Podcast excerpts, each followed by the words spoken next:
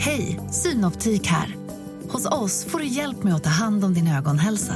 Med vår synundersökning kan vi upptäcka både synförändringar och tecken på vanliga ögonsjukdomar. Boka tid på synoptik.se.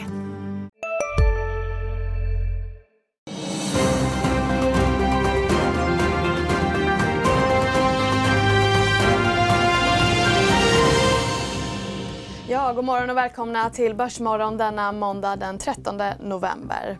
Stockholmsbörsen ser ut att öppna uppåt. Och rapportfloden har avtagit i styrka men fastighetsbolaget SBB har släppt sin senare lagda rapport. Vi har med oss VD Leif Synnes i programmet om bara några minuter. Och konsumenten fortsätter visa styrka dels på Kinas största shoppingdag, Singles Day, men även här på hemmaplan vid Lykos Grand Opening i Stockholm. Och på Eh, uppgångssviten på Wall Street bröts i torsdags men sen var den upp i fredags igen och frågan är om vi har bottnat ur här. Och med mig i studion för att svara på de här frågorna bland annat är Caroline Karlander, investeringsspecialist på JP Morgan. Välkommen! Tack så mycket! Tack! Mm, det ska bli lite amerikanskt tema senare här i programmet men vi eh, Eh, har faktiskt eh, SBBs VD väntandes i det digitala väntrummet redan nu om jag är rätt underrättad. Ja, för att eh, SBB har ju alltså då kommit med en kvartalsrapport som har skjutits upp två gånger och Eh, bolaget rapporterar hyresintäkter på 1,2 miljarder vilket är lägre än 1,7 miljarder kronor eh, som var väntat. Och även driftnettot har kommit in under förväntade 900 eh, har kommit in på 927 miljoner kronor eh, under väntade 1,3 miljarder kronor. Dessutom så skriver bolaget ner fastighetsvärden med drygt 10,5 miljarder kronor det ska jämföras med de 1,2 miljarder kronor i nedskrivningar som var i förra kvart eller motsvarande kvartal förra året. Och eh, vi har inte med oss SBBs VD än men vi har med oss Rickard Bråse på västkusten som ju är en SBB-kännare av rang. God morgon Rickard. God morgon. God morgon. Har du hunnit kolla igenom rapporten någonting? Jag har slängt ett öga på den, men det här är ju en rapport där de gör om rapporteringsstrukturen ganska mycket. Det är mycket som händer, så jag tror inte att någon egentligen har någon utomstående i alla fall har hunnit bilda sig en helhetsbild av eh, exakt allting som händer. Det var väldigt mycket mycket saker som rörde på sig och saker, även uttalanden i vd-ordet som man kanske behöver eh, följa upp. Är det något speciellt du tänker på där då? Ja, men en sak som man kan fundera på, alltså det första jag tittar på i det här bolaget är ju inte vad resultaträkningen säger utan det är ju hur likviditetssituationen är. Om du tittar på kreditfaciliteter så står det att man inte har tillgång till dem längre. Och vad hade man, ett par miljarder i kassan eller något i den stilen. Ehm, det är, en sån sak som då förstärks när man läser, jag tror det är vd-ordet där det står att man ska vara ehm, försiktig med eller eh, eh, något i stil med att man ska vara försiktig med kupongen på, på hybrider. Vad, vad betyder det egentligen? Ska de ställa in hybridutbetalningarna eller vad, vad är det som är på gång? Mm. De, SBB skriver ju också i den här rapporten att man planerar nya delägare och ledning för eh, bolagets bostadsplattform som de skriver, eh, Svea Fastigheter. Vad tänker du kring det? att de har ju planerat att ha andra delägare till i princip alla sina tillgångar senaste ett och ett halvt åren. Så det, det är klart att det, det, det är ju ingen, den har de ju pratat om tidigare också så det är nog ingen jättestor nyhet skulle jag inte säga. Mm. Är det något särskilt, liksom, någon, eh, något mätetal som du fokuserar särskilt på i den här rapporten? Ja, men något, ja, det var ju likviditeten då som var det första jag tittade på. Men eh, sen har du ju kassaflödet också som du får. Alltså, jag, jag, tror att det här blir en lite ögonöppnare kanske för de lite mindre vana rapportläsare av, av hur stor inverkan eh, den här försäljningen av väldigt få aktier och totalen i Educo kommer få för den konsoliderade situationen för för SVB, alltså hur stor gång, del av tillgångsmassan det är som, eh, som kommer att försvinna ur eh, balansräkningen. Eh, det som är positivt är, är eh, eh, om man då vänder till den här ändrade rapporteringsstrukturen, att man lyfter fram nu då lite intressebolag, eh, bland de större intressebolagen lite mer och ger lite mer siffror. Där har man ju egentligen bara fått uh, suttit och väntat på uh, årsredovisningarna för att få någon liten inblick i, i hur det ser ut i de här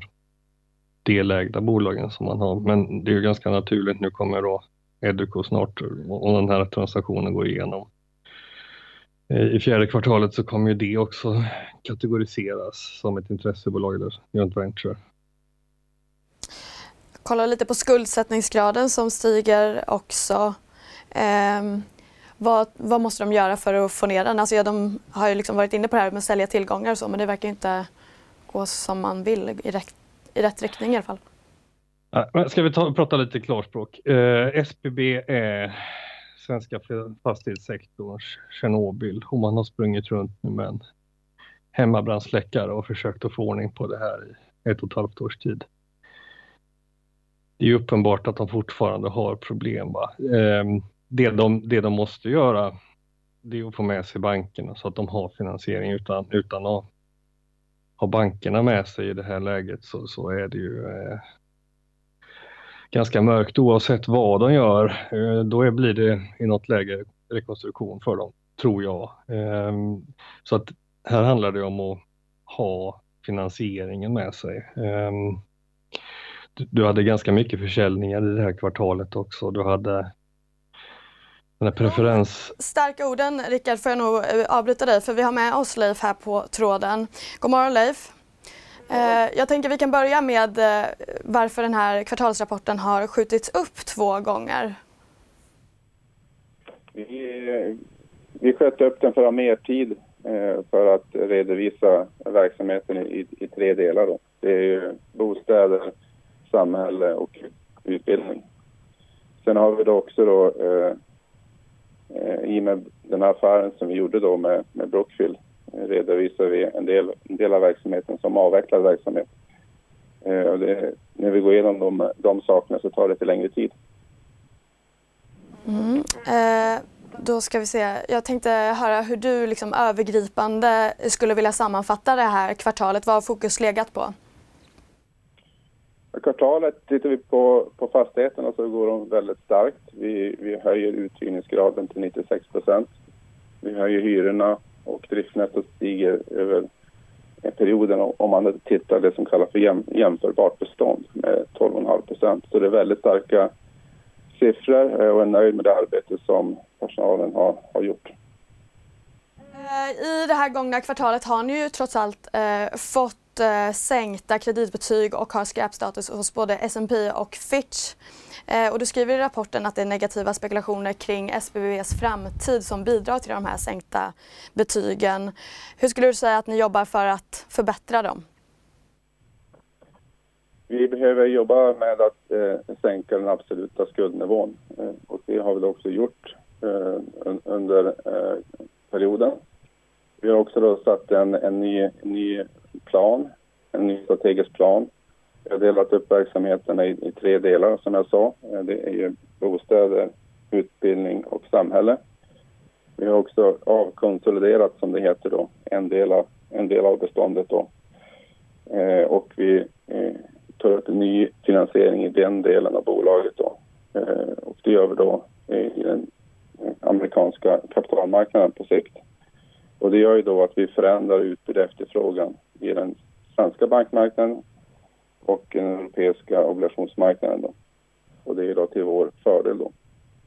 Mm, eh, för jag tänkte ta lite aktuella puckar här också för under kvartalet har ju flera obligationsinnehavare ställt krav på att ni ska öka transparensen, transparensen i, i SBB och redovisa nya nyckeltal och vilka personer som, är, eh, som ska komma in och och rädda upp det här. Och som jag förstår det så, ska man, så har man hotat med att eh, dra SBB inför rätta om ni inte går de här obligationsinnehavarna till mötes. Eh, hur arbetar ni med de här innehavarna som menar att ni har brutit mot kovenanterna? eh, andemeningen eh, bakom eh, räntetäckningsgraden som man diskuterar, det är ju att det är ett kassaflödesmått där man mäter driftnetto delat med räntekostnader. Nu finns det en del, eller en investerare som tycker att man ska räkna med värdeförändringar. Eh, det är inte praxis och det är inte andemeningen. Och vi har bestridit det kravet. Jag kan väl också säga då att 99 av volymen av alla av obligationsskulden har inte ställt några krav. Och man kan också säga att alla banker tycker att man ska räkna räntetäckningsgraden på det som vi, som vi gör. Är ni förberedda på att om de här obligationsägarna som ändå finns, eh, är ni förberedda på att de skulle kunna ta det här till domstol? Vi har ju naturligtvis noggrant eh, eh, gått igenom dokumentationen och vi har skaffat oss väldigt bra legala ombud som heter oss råden. Att om det blir en domstolsprövning så kommer vi vinna den. Mm, ett bra råd. Eh, men jag skulle fråga lite, vad är största fokuset eh, framåt nu då? Fokuset, eh, vi är ett fastighetsbolag så, så fokusen kommer fortsatt vara att förbättra verksamheten, förbättra fastigheterna, öka hyrorna. Sen ska vi också då fortsätta med den strategiska planen eh, och hitta finansiering då i de olika affärsområdena. Eh, och nästa steg efter vi har stängt eh, affären med eh, är att titta eh, över vad vi kan göra för bostadsbeståndet.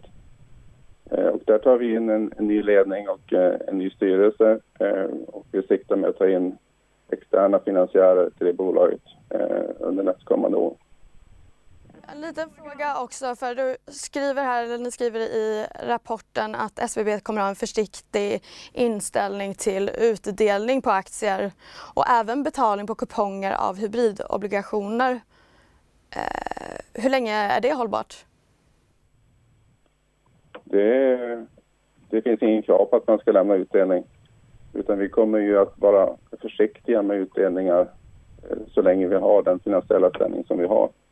Vi har, vi har, mål, vi har en målsättning eh, att återbli ett investment grade-bolag som det kallas. Och fram till dess kommer vi jobba med att försöka öka mängden eget kapital och minska andelen skulder. Mm, jag tänkte bara det här med kuponger på hybridobligationer, bara så att vi är klara med det. Det behövs heller inte betalas ut, eller? Det är korrekt. Och jag vet att du eh, har åtaganden här nu Leif, så vi får tacka dig för att du var med här i programmet. Tack, tack. Tack. Mm, det var Leif Synnes, det är VD på SBB. Jag tänkte höra, Rickard, har du någon kommentar kring VDns uttalanden här? Nej, det kan man inte säga att jag har. Eh, det är som, om man går till den här räntetäckningsfrågan.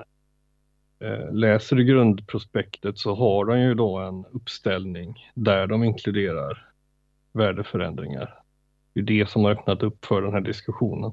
Sen är inte tanken att investment grade-bolag ska bryta mot kovenanter. Va? Så det, det är inte glasklart.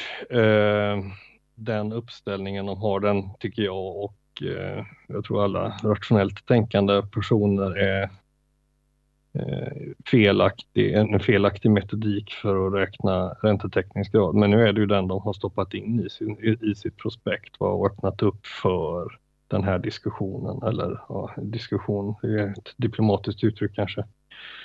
För det finns liksom Men. ingen universell, eller vad ska man säga, liksom, eh, definition av den här räntetäck täckningsgraden eller? Om du sätter dig och tittar på fastighetsbolagen som är noterade så kommer du se att det finns ganska många olika sätt att räkna räntetäckningsgrad så man får bestämma sig för vad man själv tycker är en rimlig. Om man då inte eh, är jurist och har skrivit ett prospekt då är det ju bra om man har någon form av eh, vet vad man gör kanske. Vi kommer nog prata mer SBB. Vi har börsöppning här alldeles strax men jag ska loopa in Carro här också. Du är ju inte kanske expert på svenska fastigheter men du har ju koll på den amerikanska marknaden ja.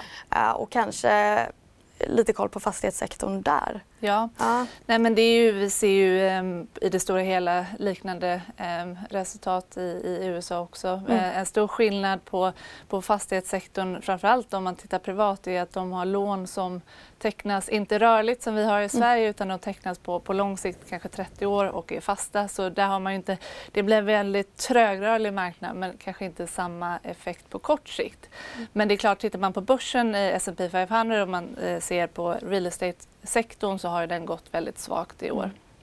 Vad tror du, kan det ha bottnat ur liksom där eller vad? Om du menar börsen eller om du menar fastighetsaktier? Fastighets just, eh, jag tror att det kommer vara, eh, som aktiv förvaltare så kan vi alltid hitta väldigt mycket fina möjligheter men också eh, bolag som vi ser risker i mm. och det kommer vara fortsatt så. Vi är fortsatt negativt inställda till kontor till exempel mm. medan vissa logistikfastigheter ser vi mer positivt på. Mm. kommer nog prata mer om det efter eh, pausen här för vi ska nämligen gå till marknadsstudion för börsen har öppnat.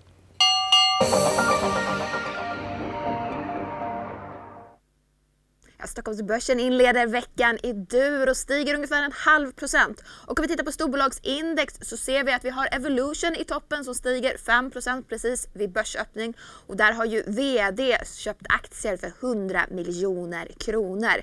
Vidare på storbolagslistan så ser vi att även Tele2 som är veckans aktie stiger 1 procent och Boliden rör sig även där uppe på toppen. I botten däremot så hittar vi SBB som precis rapporterat. De backar backar 5,5 procent.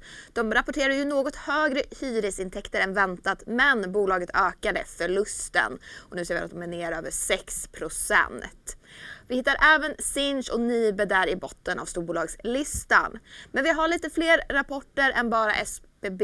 Även lokala Diamond har rapporterat. Det Lundin-ägda bolaget rapporterar ett förbättrat resultat och ökad omsättning men ser svårare marknadsläge framåt för diamanter och den aktien den rör sig mest i sidled. Filo däremot, de stiger 1,5% på sin rapport där gruvprospekteringsbolaget ökade förlusten.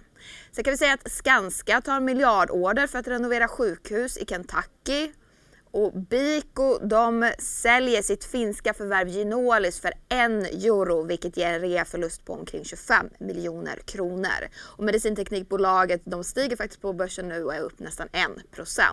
Och så har vi veckans aktie Tele2 som stiger nästan 1% så den ska vi ha koll på. Om vi fortsätter på rekar så Garo tappar köpstämpel från DNB som nu sätter behåll istället och de backar 3% ungefär. Trelleborg däremot då stiger nästan 2% efter att de har fått köpstämpel av Pareto. Och Handelsbanken sänker sin långsiktiga rekommendation för Camurus från outperform till market perform och den rör sig mest i sidled just nu. Men som sagt, Stockholmsbörsen inleder veckan i dur och stiger ungefär en halv procent. Ja, tack för det Sofie. Mm, eh, reaktioner på börsen där. Rickard, såg du något särskilt intressant? Nej. Nej. du har ju skrivit om eh, Tele2 som är veckans aktie. Vi ska få prata mer om det sen. Men eh, det vi noterar är ju att SBB eh, gick ner lite där. Jag tänkte fråga Rickard om du tyckte att det var en motiverad nedgång?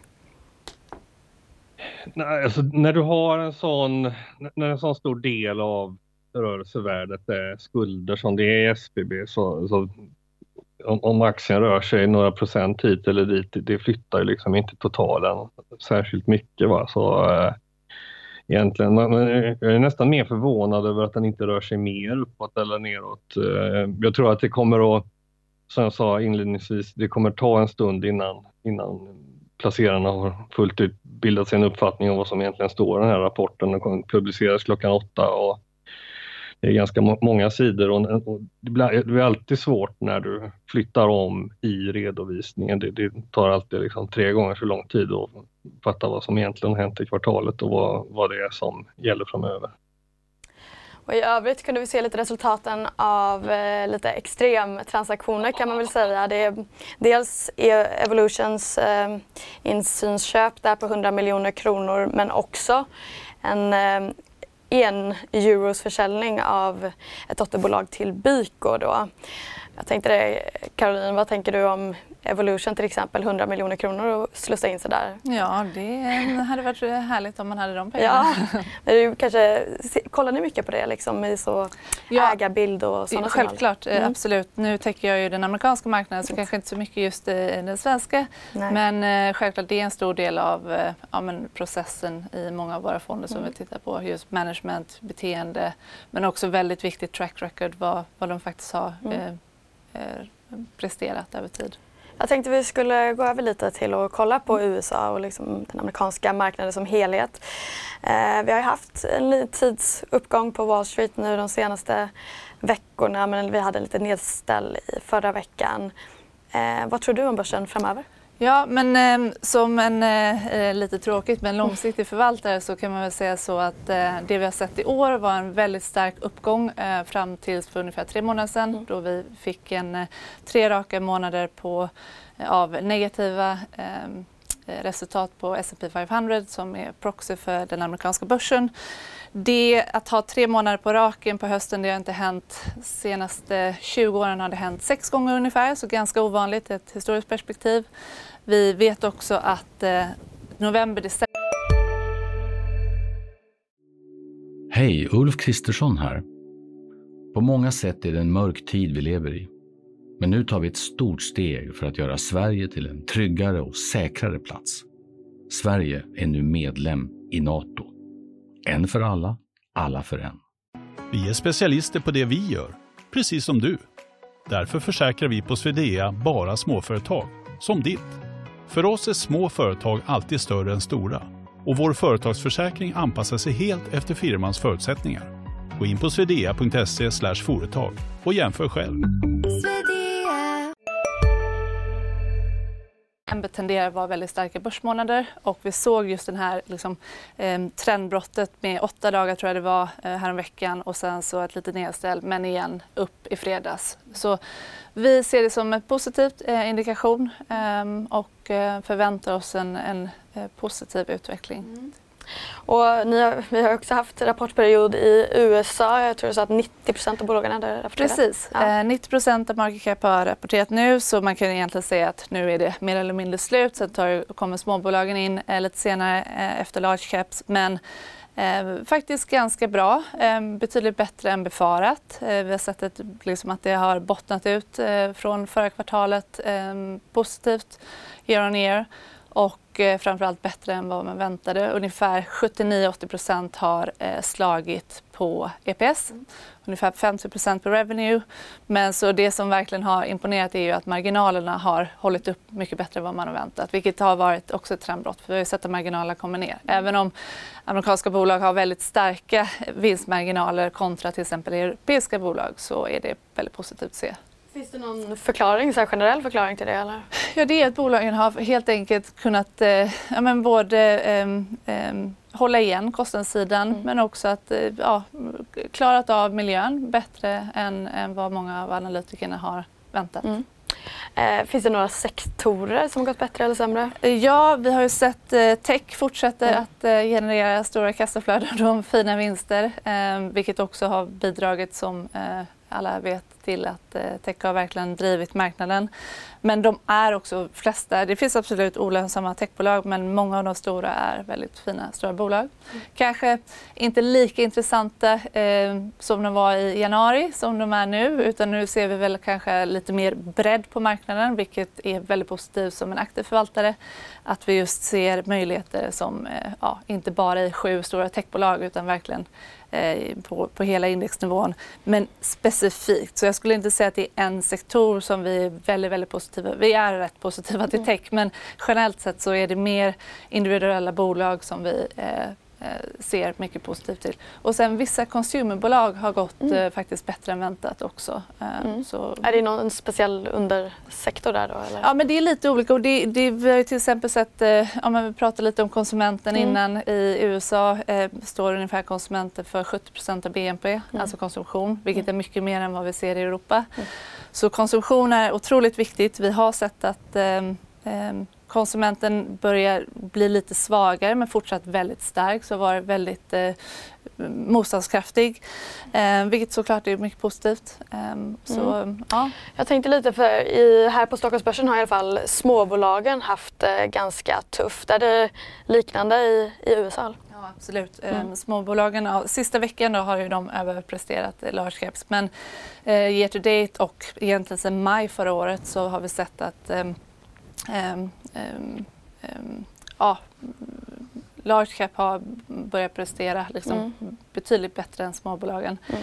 Det man kan säga är att om man ser det ur ett historiskt perspektiv så värderingsmässigt så ser det otroligt attraktivt ut för amerikanska småbolag versus large caps.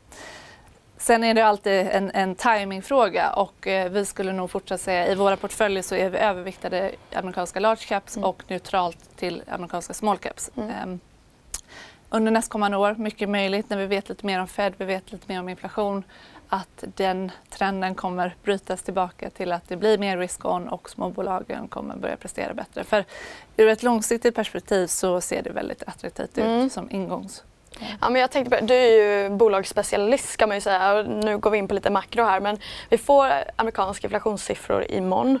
Eh, hur viktig tror du att den här siffran är nu för Fed? Det är ju jätteviktigt. Eh, Fed har sagt gång på gång att de är data dependent, mm. vilket vi också har sett att de har lyssnat in när vi har sett att inflationen har kommit ner. Förra eh, gången var det aningen starkare än väntat, men generellt sett så har vi sett en trend neråt.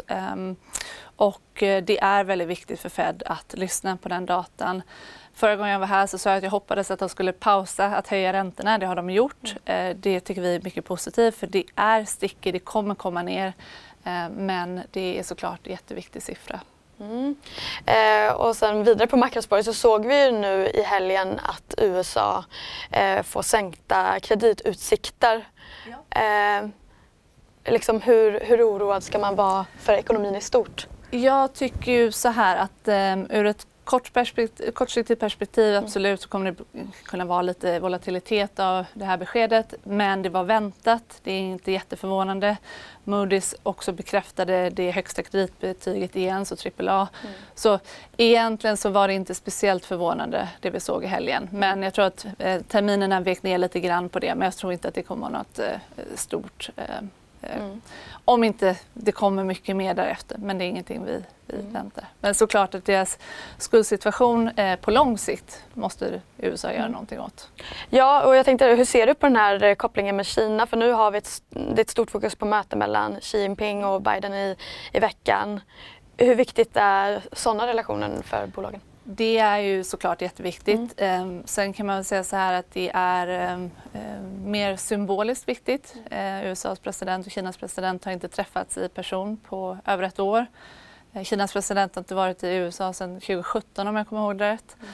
Så det är såklart väldigt symboliskt viktigt och de bilaterala avtalen och, och alla politiska och geopolitiska Eh, saker som pågår i världen eh, kommer diskuteras. Jag är inte jättepositivt inställd att vi kommer att se några stora kortsiktiga förändringar i relationerna som är ju minst sagt ansträngda. Ja, eh, vi hade faktiskt Catherine Young med här i ett, eh, i ett klipp i morse. Och vi pratade lite om ökad försäljning hos de stora kinesiska e-handelsjättarna i samband med Singles Day som vi var inne lite på i början. Vi kan se på hur hon tyckte om detta. Concluded on Saturday at midnight.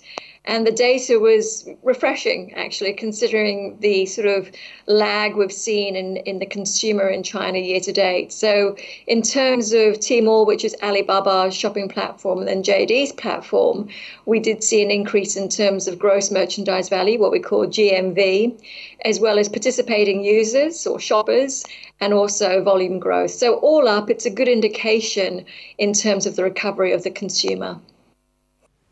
Mm, det där var alltså Catherine Young från Fidelity.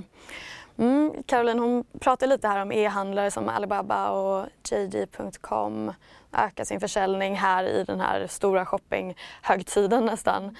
Eh, och samtidigt rapporteras det att eh, techbolag gör rekordförsäljning i, i eh, Kina. Tycker du att det är förvånande den här styrkan vi ser? Man kan väl säga så här att den kinesiska eh, om, ekonomin och, och konsumenterna om något i år har väl snarare förvånat på nedsidan. Vi hade mycket starkare hopp om, om Kina när vi ja. kom in i året. Så att det vänder här nu är ju väldigt positivt såklart för, för inte bara för Kina men också för, för omvärlden. Mm. Du var inne på lite det tidigare med att konsumenterna även i USA eh, visar styrka. Är det just på e-handel som ni ser de här? Eh, det är, det är på, på många olika eh, håll i, i, i marknaden i USA. absolut viss e-handel och vissa av retailbolagen i, i stort har gått, haft fin data mm. under hösten. Men det man kan säga också är att om man ska vara lite mer på orossidan så det har varit väldigt starkt och vi har varit eh, positivt imponerade av att eh, konsumenterna har liksom lyckats hålla upp mm. trots att många av de här covid eh, liksom, beneficiaries har försvunnit under, under året. Mm.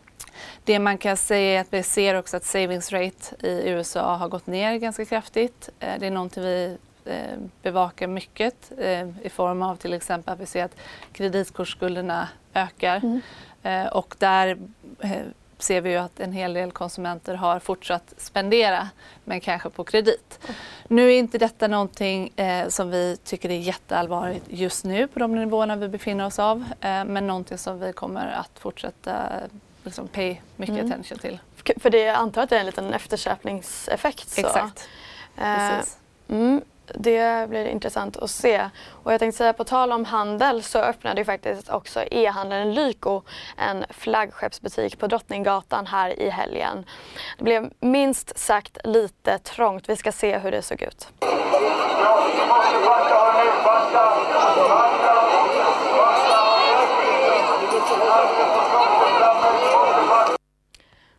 Mm, jag tänkte om vi skulle loopa in Bråse igen. Eh, Rickard, jag såg det inte där i vimlet.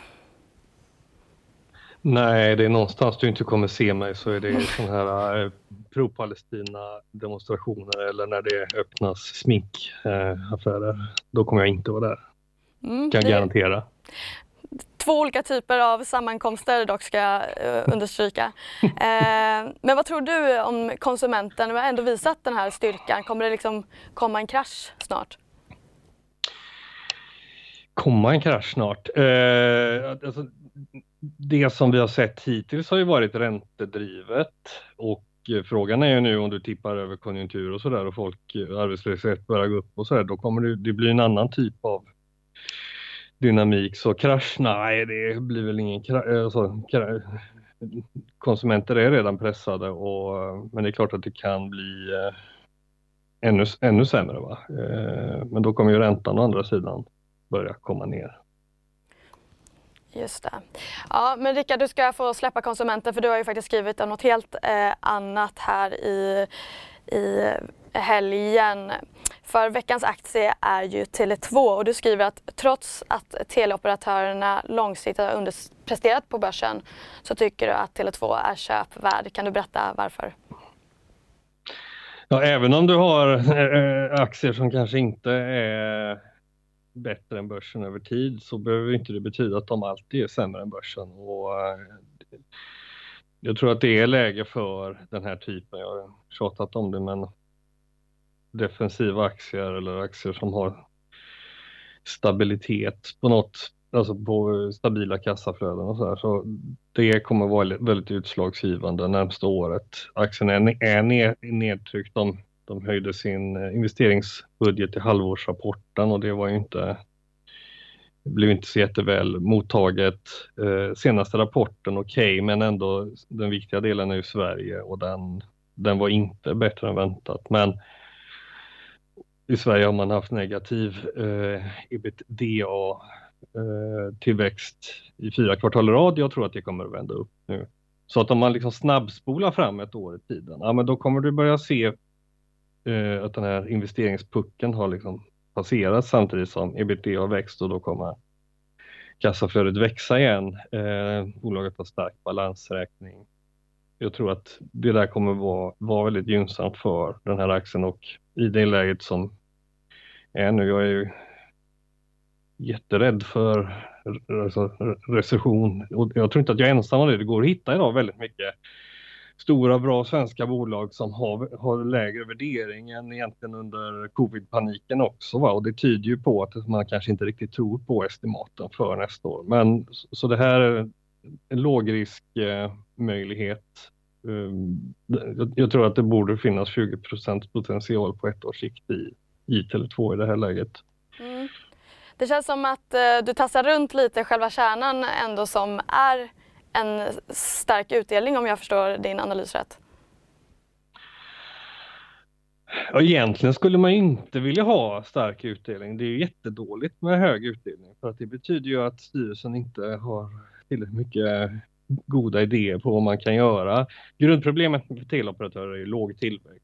Men är låg tillväxt betyder det att man inte kan vara värdeskapande. Om du tar eh, Constellation Software i Kanada som anses vara ett av världens främsta, bästa, mest träffsäkra förvärvare inom mjukvara. De har ju De fem senaste åren så har de lägre organisk tillväxt än, eller ungefär i samma nivå som Tele2 kan vi säga. Så det är klart att det bästa hade ju varit om det hade funnits liksom, värdeskapande förvärv att göra sådär. Nu låter det lite som att man öppnar upp för att titta på förvärv igen, men jag tror snarare att Tele2 långsiktigt kanske inte närmsta året, men på sikt kommer i slutändan att hamna hos typ Team Mobile eller liksom någon större internationell aktör. De har gått igenom en lång process med renodling, eh, huvudsakligen är verksamheten i, i, i Sverige, det är nästan 80 procent och sen har du eh, i Baltikum också. Så att det, det, är en väldigt renodlad och ren verksamhet. Lätt att begripa. Eh, och en bra position. Och, och liksom det stora trumfkortet man har i Tele2, det är nätsamarbetet på den viktigaste marknaden för Sverige med Telenor som gör att du får en väldigt kapitaleffektiv verksamhet som du tittar på avkastning på sysselsatt kapital eller hittar på egna sådana nyckeltal som jag gör bland annat i artikeln så, så, så, så, är det inte så att de behöver skämmas. Va? Eh, det får ju Telia däremot göra för att de har ju också haft kassaflöde men de är väldigt duktiga på att trolla bort dem på dåliga förvärv. Mm. Men jag funderar lite på det du var inne där på själva ägarbilden. Kinnevik har väl ungefär 20% av bolaget eh, och du spekulerar lite här i uppköp. Tror du att Kinnevik är redo att sälja då? Ja, Kinnevik var ju redo att sälja en, eh, en signifikant del av sin, sitt ägande när det nu var, var det förra våren, eh, dålig på tid men det är inte jättelänge sedan man, man har sålt aktier och vi vet ju Kinneviks inriktning är mot eh, tillväxtbolag som kanske ska tjäna pengar om tio år eller sådär. Det kommer väl att krävas ytterligare kapital där framöver så att om det kommer ett väldigt, om det kommer en bra affär så, alltså Kinnevik har ju historiskt inte tackat nej till att göra intressanta affärer. De har varit kreativa. Sen så ligger de lite skevt i, med samtiden nu då med, med, med att den typen av bolag man har riktat in sig på inte står så högt i kurs och att man har gjort lite, det är lite stökigt med bolagsstyrningen.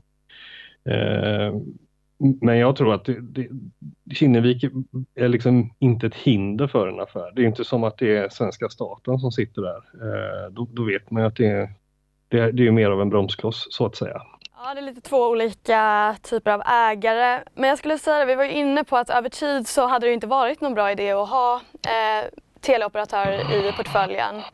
Hur länge tycker man ska hålla i den här Tele2-aktien? Ja, veckans aktie har ju den här väldigt märkliga liksom att det ska vara exakt ett år då, så det är ju så jag har tänkt att eh, vad, vad kommer klara sig bra på, på ett års sikt och jag tror att det här är rimligt rimligt bra till rimlig risk i det här läget. Så, eh, sen får man ju se. Va? Det, det, mm, det är alltid svårt med aktier att det kan ju hända saker som gör att den har går upp. Det händer ganska ofta när man gör de här veckans aktie att, att det händer mer på ett kvartal än vad man trodde kunde hända på ett år eller sådär. Så att eh, allt, man får vara öppen för, öppen för allt. Ja, får man vara. Jag tänkte att vi skulle loppa in Caroline lite för jag tänker det finns ju teleoperatörer även i USA. Ja. Eh, är det något som ni är intresserade av? Ja, det här blir lite komiskt för att vi har precis eh, sålt av lite teleoperatörer. Eh, så mm, kanske inte direkt någonting vi har som highest conviction just nu. Men som Rickard säger, det är lite specifikt. Vi har en väldigt långsiktig strategi, mm. tre år plus. Så därav att vi har faktiskt trimmat tillbaka. På... Vilka säljargument har liksom väl, vägt över då? Ja, men lite som vi faktiskt har varit inne på här att eh, de eh, teleoperatörer har svårt att, eh, alltså själva marknaden, själva sektorn eh, är eh, svår, låg tillväxt. Ehm, vi tycker att värderingarna i USA är inte en attraktiv risk-reward just nu. Eh, med det sagt så äger vi dem till och från, eh, men vi har sålt av lite där på den amerikanska sidan. Intressant. Eh, ja, vi ska faktiskt ta en liten paus här för att kolla till hur det ser ut på marknaden. Sofie, hur utvecklar det sig? Stockholmsbörsen fortsätter i dur om så lite svaga toner. Vi ser att breda index är upp 0,2 ungefär. Medan storbolagslistan går lite starkare upp 0,4. Och där ser vi en stor rörelse från Evolution som stiger lite drygt 5. Där har ju VD köpt aktier för 100 miljoner kronor. Men vi ser även uppåtrörelse för Boliden, AstraZeneca och Tele2, veckans aktie. Alla de är upp lite drygt 1%. I botten av storbolagslistan däremot så hittar vi SBB som backar 6,5% ungefär på sin rapport. Även Sinch rör sig där i botten och är ner över 5% och Nibo Electrolux backar även dem. Men på tal om rapport så Lokara Diamond har ju rapporterat och stiger nästan 4% på sin rapport. Gruvprospekteringsbolaget Filo däremot, de ökade ju förlusten och backar 1,5% på sin rapport. Ska vi säga Skanska har tagit miljardorder för att renovera sjukhus i Kentucky, stiger en halv procent. Biko backar lite drygt 1% efter att medicinteknikbolaget meddelat att de säljer sitt finska förvärv Ginolis för en euro, vilket ger en reaförlust för dem på omkring 25 miljoner kronor. Och så om vi går vidare till rekarna. Garo tappar 4,5% efter att de har tappat köpstämpel från DNB som nu istället sätter behåll. Trelleborg stiger däremot, de är upp 1% efter att de har fått köpstämpel av Pareto. Och Camurus, där så har Handelsbanken sänkt sin långsiktiga rekommendation från outperform till marketperform. Men aktien ja, den backar en halv procent ungefär. Men som sagt, Stockholmsbörsen den inleder ändå veckan i dur och storbolagslistan är upp nästan en halv procent. Härligt Sofie, jag får tacka. Muntra, muntra miner på börsen även här i studion. Men vi börjar få lite ont om tid och eh, ska runda av här. Jag får tacka dig Caroline Kalander för att du kom hit. Tack så mycket. Och jag tackar även Rickard Bråse som är där någonstans i cyberrymden. Och så säger jag även tack till er tittare som har varit med oss den här morgonen. Hoppas ni får en fin dag.